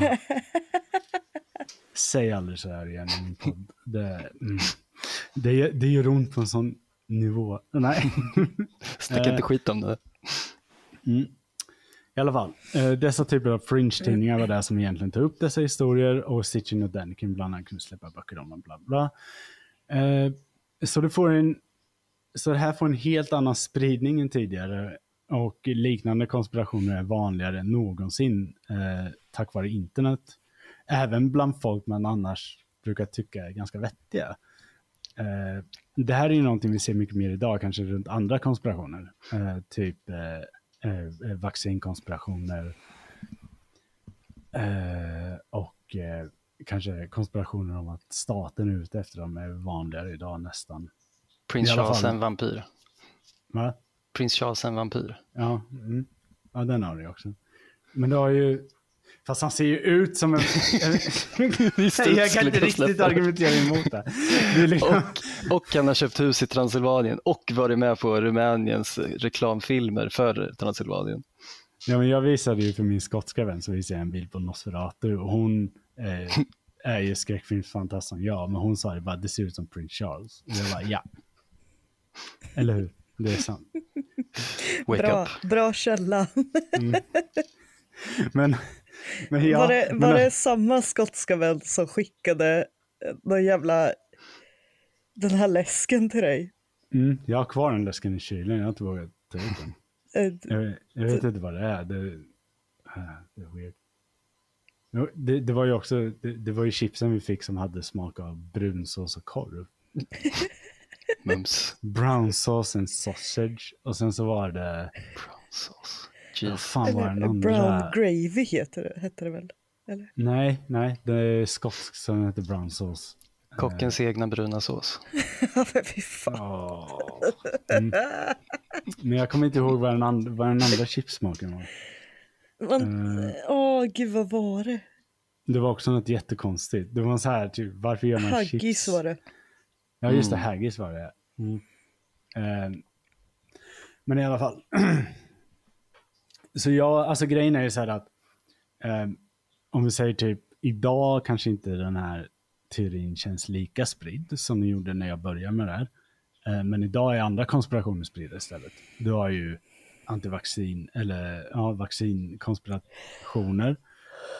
Eh, och du har ju eh, Qanon, alltså att, liksom att du har en deep state som på något sätt jobbar emot alla med nationella känslor.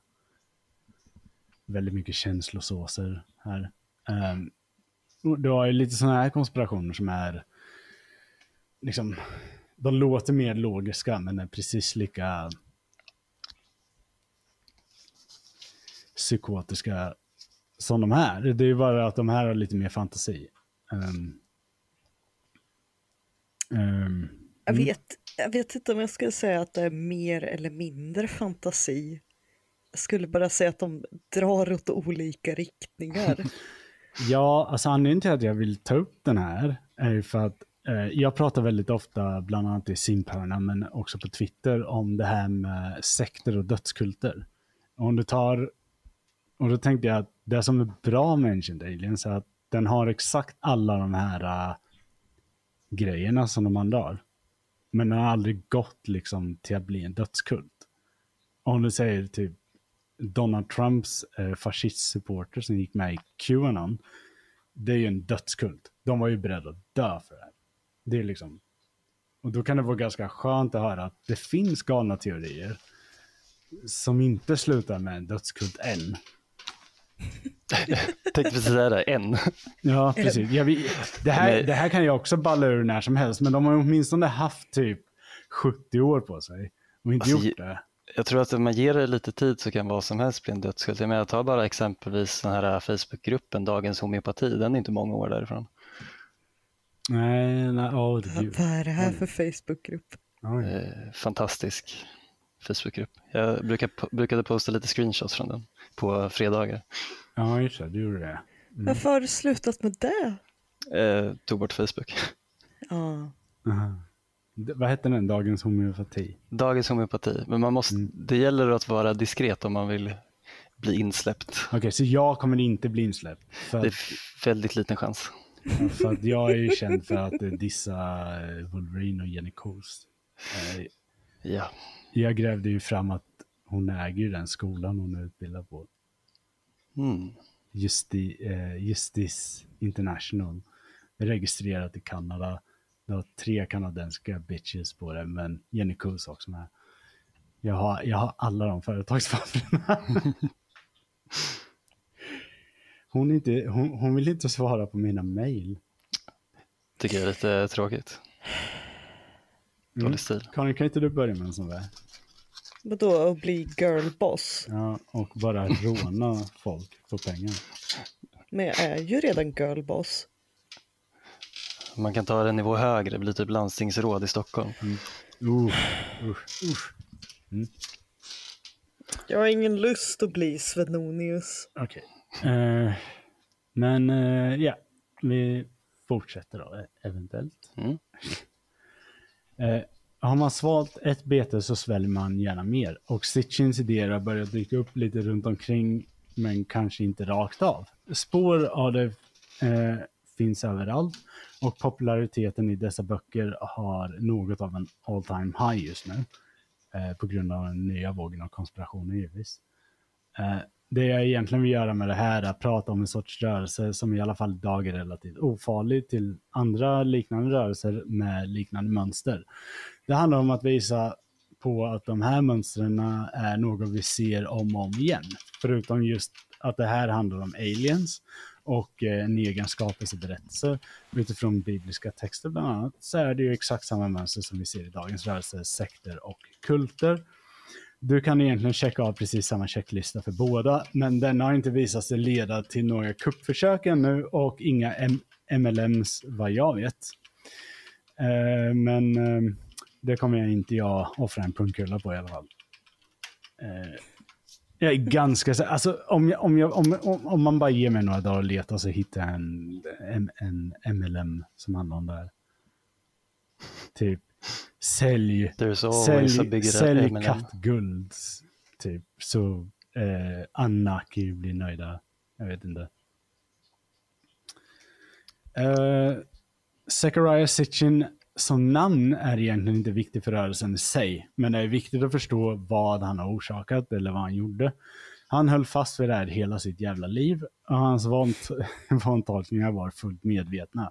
Alla hans böcker efter den tolfte planeten eh, är ett sätt att bygga ihop ett robust narrativ som är svårt att förneka för den oinsatte och då är och då är det för den troende att bara börja bombardera med påståenden, så kallad sea lining. Eller sjölejonstekniken. Klassikern är skrik högst och snabbast likt Ben Shapiro och vinn argumentationen. Och det är lite så de gör. Om man pratar med en sån här, då börjar du bara få massa YouTube-länkar postade till dig. Och så är det typ, alla länkar är en video på fyra timmar med någon som har använt Microsoft SAN. Eh, för att de inte vågar prata själva. Eh, så var det med en av mina kompisar. Sen länkade jag honom en dokumentär som heter Ancient Aliens Debunked. Eh, och då sa han, vad fan vad lång den var, ju tre timmar. Jag bara, men det är ju typ alla videos du skickade mig. De är ju minst två och en halv timme av någon som har använt transcribe med Microsoft SAM. Uh, han bara, oh, men de har ju faktiskt något att säga. Jag bara, ja, det har den här med. Om du bara ger en chans. Eh, jag har däremot svårt att låta saker vara som ni kanske har märkt. I just det här träsket tänker jag göra som Sitchin och påstå att jag är något av en expert samtidigt, faktiskt. Eh, så det jag har gjort, förutom att prata skit om det lilla svinet, är att jag faktiskt letat upp ett sätt för er att källkolla det mesta kring det här själva. Och, kommer, och det kommer att finnas länkar i beskrivningen på det här avsnittet och uppladda på hemsidan, eh, alladessajävla.com. Däribland en sökbar databas för sumeriska termer där du kan leta reda på där de säger, om det de säger finns i några av de här äh, många hundra lerplattorna som vi faktiskt har hittat. Eh, det finns också en väldigt gammal, välsammansatt dokumentär kring det här, den jag pratade om. Eh, hela den här teorin som axplockar lite saker vi pratar om. Hur som. Det jag egentligen vill lämna Zachariah Sitchy med eh, och en fråga jag ställer till eh, er gäster och till lyssnarna kanske. Hur långt kan ett sårat man, manligt ego egentligen gå för att vägra ha fel? Vad är det vi ser här? En kränkt mans envishet att minsann faktiskt har rätt. Ända tills dess att han fucking dör. Ja, eller en entreprenör. Nej, nej, ja. Jag, jag tror han bara är girlboss. Ja. Nej, det kan nej. Karin, du kan inte, nej, nu börjar du bredda ut girlboss för mycket. Nu, du kan inte. Du kan inte nej, jag känner han är girlboss. Kolla här, jag kan, jag kan typ acceptera minimjölk, men du kan inte, nej, du kan inte girlbossa Zachariah Sitchin. Jo, nej. jag girlbossar Zachariah Sitchin nu. She just did. Mm. Vad ska du göra åt saken? Ingenting, jag skiter i det. Uh, men... Uh... Gör du verkligen det? Nej, det gör jag inte. Men, men om, vi om vi tänker så här då, om vi tänker rent, eh, hans namn är inte så viktigt för liksom själva teorin i sig, men det är liksom det han skriver, det har ju ändå form, alltså format resten av rörelsen. Eh, bland annat programmet Ancient Aliens, vilket är det programmet i sig ska vi ha ett eget om. Eh, men då kommer jag behöva tvinga folk att kolla på det. alltså jag, jag kollar ju på Say Yes to the Dress på TLC så det kan inte bli mycket värre. Jo, det kan okay, det. Okej. Okay. Ah, ja, det kan ju det, det kan bli värre än Say Yes to the Dress. Jag är ledsen. Men... Ja, eh, vad, är, vad heter den? 90 Day Fiancé. Ja, det blir värre än det med. Okay, alltså kolla här. Jag Kul. kollar på 90 Days Fiancé med Karin. Uh, det är ju förvisso ett fantastiskt spel. Ja, ja det är det. det, det är absolut. Alltså, det, mm. Jag älskar Trash TV. Men Ancient Aliens va?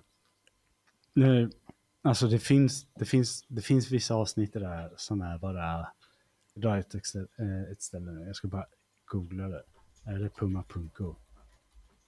Jag ska bara kolla på stenarna i Puma.co. ja, men det här, är jätte, det här är jätteviktigt för det här är så dumt. Uh, vänta. Jag hör redan nu att det, du börjar arbeta dig uppåt i din provokation. Uh, mm. Ja, jag vet. Till någon form av självspinn när du kommer gå och lägga dig, vara arg och drömma stressdrömmar. Ja, men det slutar alltid så. det, det är så här jag fungerar. Jag bara kommer hem efter en lång arbetsdag och så bara, ha, undrar vad, vad det är för jävla fuckery som pågår idag. Och så bara kollar jag och bara,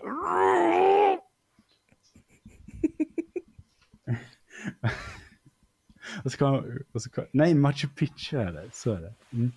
Machu Picchu i alla fall är, eh, är ett ställe. Vet ni vad det är för ställe? Uh, är det Peru? Mm, ja, jag tror det. Ja, högt upp. Högt upp i bergen. Jag har, jag har en gammal stad. Uh, ruiner av en stad typ som är jättefin. Jag ska ge en bild på hur det ser ut från från helikopter i alla fall. Nej, det kommer ingenting. Nej, ja, det var ju, ja, det var ju bra. Vi, vi kan föreställa oss. Nej, vänta. Nej, det, nej, det var bara att den länken gick in och kopierade. Okej. Okay. Mm. Mm, vänta. Varför gör Google så här? Ta inte fram bilder som inte går att copyright infringe. Förresten, eh, eh, paus, mm. nej vad heter det, bananrepublik. Mm. eh, hur lång tid tror du är kvar på det ungefär? Äh, För jag har lite grejer som... Bara tio minuter eller något. Okej, okay. mm. bra. Jag ska, jag ska bara försöka få den här bilden. Yes. Vi ska bara googla lite. Ja, men, nej, men alla är så här, de har ju skyddat sig från att man ska kunna snatcha deras foton via kod. Är det NFT? Ooh. Är det så att de här aliensarna har slutat samla guld? Så, nu kan vi se. det där är Machu Picchu i alla fall. Om 3500 år när de åker förbi jorden igen kommer de bara snatcha upp alla våra NFT. Eh, så ska jag bara ta upp en bild på hur stenarna ser ut. Eh, jag kan tänka mig att rymdis hade bott där. Ja, här. Här. Ja, det är det här stället ja. ja. ja men det här är intressant för jag, jag, ska dra det som en liten, precis innan vi slutar nu bara. Eh, de här stenarna ser ni, tror jag. Stenar. Oh. Flashigt. Mm. Det, det jag egentligen vill lämna alla med och eh, podden, eh, poddens lyssnare också med är att anledningen till att vi tar upp det här är för att det sprids väldigt mycket desinformation i sam samhället idag överlag. Och eh, de här bilderna ni just sett på Machu Picchu och stenarna i Machu Picchu är ganska eh, bra exempel på det. Här. För att någonting som folk som tror på de här grejerna gör, eh, de som tror på eh Eh, de här vaccinationskonspirationerna och liknande konspirationer, de tror på kanske Qanon och sån grej. det är att de inte förstår hur saker fungerar det den här bilden på de här stenarna, det Ancient Aliens drar sin slutsats på, det är att de här stenarna har smält och sen så har de gjutit. Mm, för du ser att de är väldigt olika former. Och eh, mm. så här, Det är deras logiska slutsats. Om det ändå fanns något sätt att forma stenar. Mm. Men mm. jag tänker också så här. Det, det, liksom, det här är ett sånt, det, det här visar på exakt samma typer av tankegångar. Förstår du vad jag menar? För grejen är så här att om du ska, givetvis om du ska smälta en sten och forma den, så tänker jag att man gör en form. Och sen så smälter du alla sten, gjuter igen alla stenar i den formen. Så att alla stenar borde se likadana ut, eller hur? För annars måste du ha 3000, whatever, hur många stenar det här jävla stället tog att bygga. former. Mm. Möjligt, men då blir det ju lite miljonprojekthus snarare än liksom ett coolt hus. Ja, jo det är sant. Men Så att det är fortfarande mer girlboss att göra på, ja, ja. på det ja, sättet de har gjort. jag med håller, alltså, kolla, om de i Machu Picchu har gjort en form per sten eh, och det, då är det, det är riktigt girlboss. Men det har de ju inte gjort. För att de är inte dumma i huvudet. Grejen är så här. Det är det jag menar att man går till väldigt konstiga slutsatser bara för att man själv inte förstår. Och, det, och grejen är så här att där, de, där man ofta gör, typ som i Ancient Alien, säger att man går till, ja hur visste de att man kunde göra så här? Jo, för att vi vet att det här folkslaget hade typ verktyg som var av gjuten typ brons. Eller något. Och det kan man forma sten med, om, för att det här är sandsten. Eh, ofta brukar de dra till med att det här är granit. Men det här är ju inte granit. Nej, jag vet att det inte är granit. Det är likadant, de, de brukar säga att mycket stor del av pyramiderna är, är granit. Men det är det inte alls. Det finns några stenar i eh, den stora pyramiden som är granit och det är de som bygger själva vad heter det, kungagravplatsen. Eh, vi kommer dra det i något avsnitt, men i alla fall. Det jag menar att det det visar på är det, det, vi har samma tänk. Även om det här är alien så det är lite larvigare. Så är det liksom, folk faller för det här. Folk faller för Men det här. alltså jag tänker så här. De här stenarna i Machu Picchu, vad Mm. är det som gör att människor på den här tiden inte kunde ha ett estetiskt och konstnärligt sinne? nu kommer vi Eller till- har vi liksom nu- utvecklat det de senaste Eh, nu- 2000 åren? Eller, nu, kom, alltså, nu kommer vi in i den lite rasistiska delen här. Aha, mm. Det är väl klart att bruna människor inte kan bygga sånt här. eh, nej, det- jag Nej, för det finns, på det. det finns inga ifrågasättanden på Roms grejer, förutom ett ställe som heter Baalbek. Det kommer vi också ta något avsnitt. Men det är bara civilisationer som inte är från Europa som det här ifrågasätts. Yay, Och, och ska påminnas om att de, de pratar så här, Oh, det här var så, för så länge sedan. Machu Picchu troligtvis bygget byggt på 1200-talet. En anledning till att de säger att det inte kunde byggas så här för att det ligger ovanför trälinjen. Um, ehm, eh, så de kunde inte rulla upp de här stora stenarna. Eh, jag vill bara påminna om att människan kan gå ner för en kulle 50 meter och hugga träd. Eh, jag, jag tänker också på en grej som var en grej på 1200-talet. Mm. I alla fall i Europa. Mm. Jag gissar att det här förekom i Machu Picchu också. Eh, vi hade domesticerat djur. Mm, men det kan vi inte bevisa här. Men däremot, det vi kan bevisa här, är att vi vet vilket stenröse de högg ifrån. Och sen så vet vi att om de bara gick 50 meter ner från det här stället så har de trälinjen. Jag menar, vi behöver inte ha mycket mer än det. Eh, men jag menar bara att det det här avsnittet tänkte tänkt att göra är att visa att den här, den här typen av tankegång som vi ser idag på Facebook, på internet, på Twitter och i våra, tyvärr, våra tidningar är inte nytt.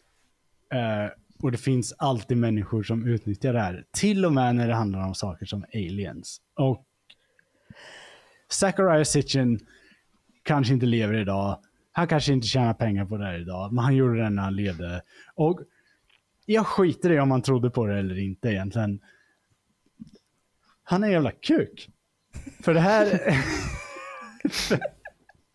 det, det här är så det, är, det, är så... det är så jävla ruttet att leva hela sitt jävla liv och bli konstant rättad och bara, "Ja, jag skiter i det alltså. Jag kör tolfte planeten-grejen så här och bara lura människor inte sån här jävla bullshit som vi ser idag. Han är en del utav det äckliga samtalet vi ser idag. Jävla... Jävla svin! Åh, jag hatar honom så jävla mycket. Och så bara, "Ja, han har inte dödat några. Hur fan vet du det? Det har han säkert gjort. Han är säkert skyldig till något folkmord någonstans. Det, Helt övertygad Har du slutat slå din fru? Ja. Jag vet inte, någon gång kommer det komma så här att varför gjorde du det här? När jag sköt upp skolan på grund av att aliens är ändå de som har byggt vår civilisation. Så fuck det här jävla stället. Jag vill ändå hävda att den korrekta terminologin när vi för en podd på svenska är ändå att det ska vara Ja, rymdisar. rymdisar. Ja, det är rymdisar. I alla fall, det här, vi har tagit, igenom, vi har tagit oss igenom manuset. Jag har blivit svinarg. Du har gått lite i självspinn faktiskt. Ja, men det gör jag så fort jag pratar om det här. Det är därför vi måste ta det avsnitt för avsnitt och väldigt många andra avsnitt emellan avsnitten. Precis, blod, blodtryck hinner sjunka emellan. Ja, ungefär. Nu kommer jag kuka ur de här jävla stenarna resten av kvällen. Det är helt övertygande. Ska du gå och kolla på långa YouTube-videos som debankar Nej, jag ska gå in på Facebookgrupper som bara sitter, Ja. en massa boomers som sitter bara, åh, hur formar man sten? Bara, "Ja, jag, kan, jag hämtar min bilmaskin. Jävla, kolla när jag de- formar Ja. betongen. Men Stefan, de hade inte bilmaskiner på 1300-talet. Käften Karin. De hade inte el. Nej, men de hade hammare eller? Ja, men, Hade de, hade de, hade de en mejsel till den hammaren? ja, men det är fortfarande inte samma sak som en bilmaskin. Det är exakt samma sak som en bilmaskin, förutom att bilmaskinen är elektrisk. Mm, och kanske lite mer kraftfull och uthållig och sådär. Beror på hur stor slägga och hur många personer man är. Men eh, absolut, absolut, jag köper det. Jag köper det. Men eh, tack för att ni kom till det här avsnittet. Eh, nu vet ni vem Zachariah Sitchin är. Eh, det har inte gjort er några favors. Utan det... det Nej. ni Jag vet gillar bara- att du, du talar om för oss vad vi ska känna. Det är ganska skönt. Okej, så här. Okej, så här. Det borde, Vi kanske sitter det och känner borde att det är en inte, girlboss. Det borde inte ha gett er några favors. Eh, däremot Jag så... kände, jag jag kände ber- att jag jag, ber- har... Nej, tyst nu. För jag vill, be, jag vill be poddens lyssnare om ursäkt om det är så att jag skickar ut någon av de här två och de råkar vara nuvarande Ancient Aliens eh, evangel, evangelister och börjar sprida det i våra Discord-kanaler. Jag tar fullt ansvar för det genom att inte göra någonting åt det. Jag känner i alla Alltså- fall att jag har glädje av det här avsnittet. Mm. För jag har hittat en till girlboss i världen. Och jag, fast jag, jag kan ju lugna dig med att jag, jag är ganska mycket emot Ancient Aliens för det tar ju fokus från den riktiga rymdisfrågan. Ja, okej. Eh, med de riktiga bevisen att rymdisar är här och att de flyger runt i Tic Tacs grejer. Eh, Tänker du typ eh, cropfields och sådana grejer? Va? Nej, Nej. Ja, educera dig. Va? Jag ska, jag ska skicka YouTube-videor Okej, som ja, förklarar. ja, gör det. Gör det. Det kommer absolut inte skicka min hjärna in till- i någon form av jävla brain rot. Jag, jag gör det redan nu direkt efter vi har Ja, spelat in mm, här. Ja, gör det. Gör det. För jag kommer, jag kommer avsluta det här innan jag börjar skrika osammanhängande eh, som Tino. Um, Yes. Men tack för att ni båda kom, var med. Eh, Tack för att jag fick komma. Ja. Eh, jag kommer bjuda in dig på mer här, för jag kommer fan inte släppa det här. Om du skickar sådana här videos till mig, alltså då... Mm, Vi kan ha en debatt.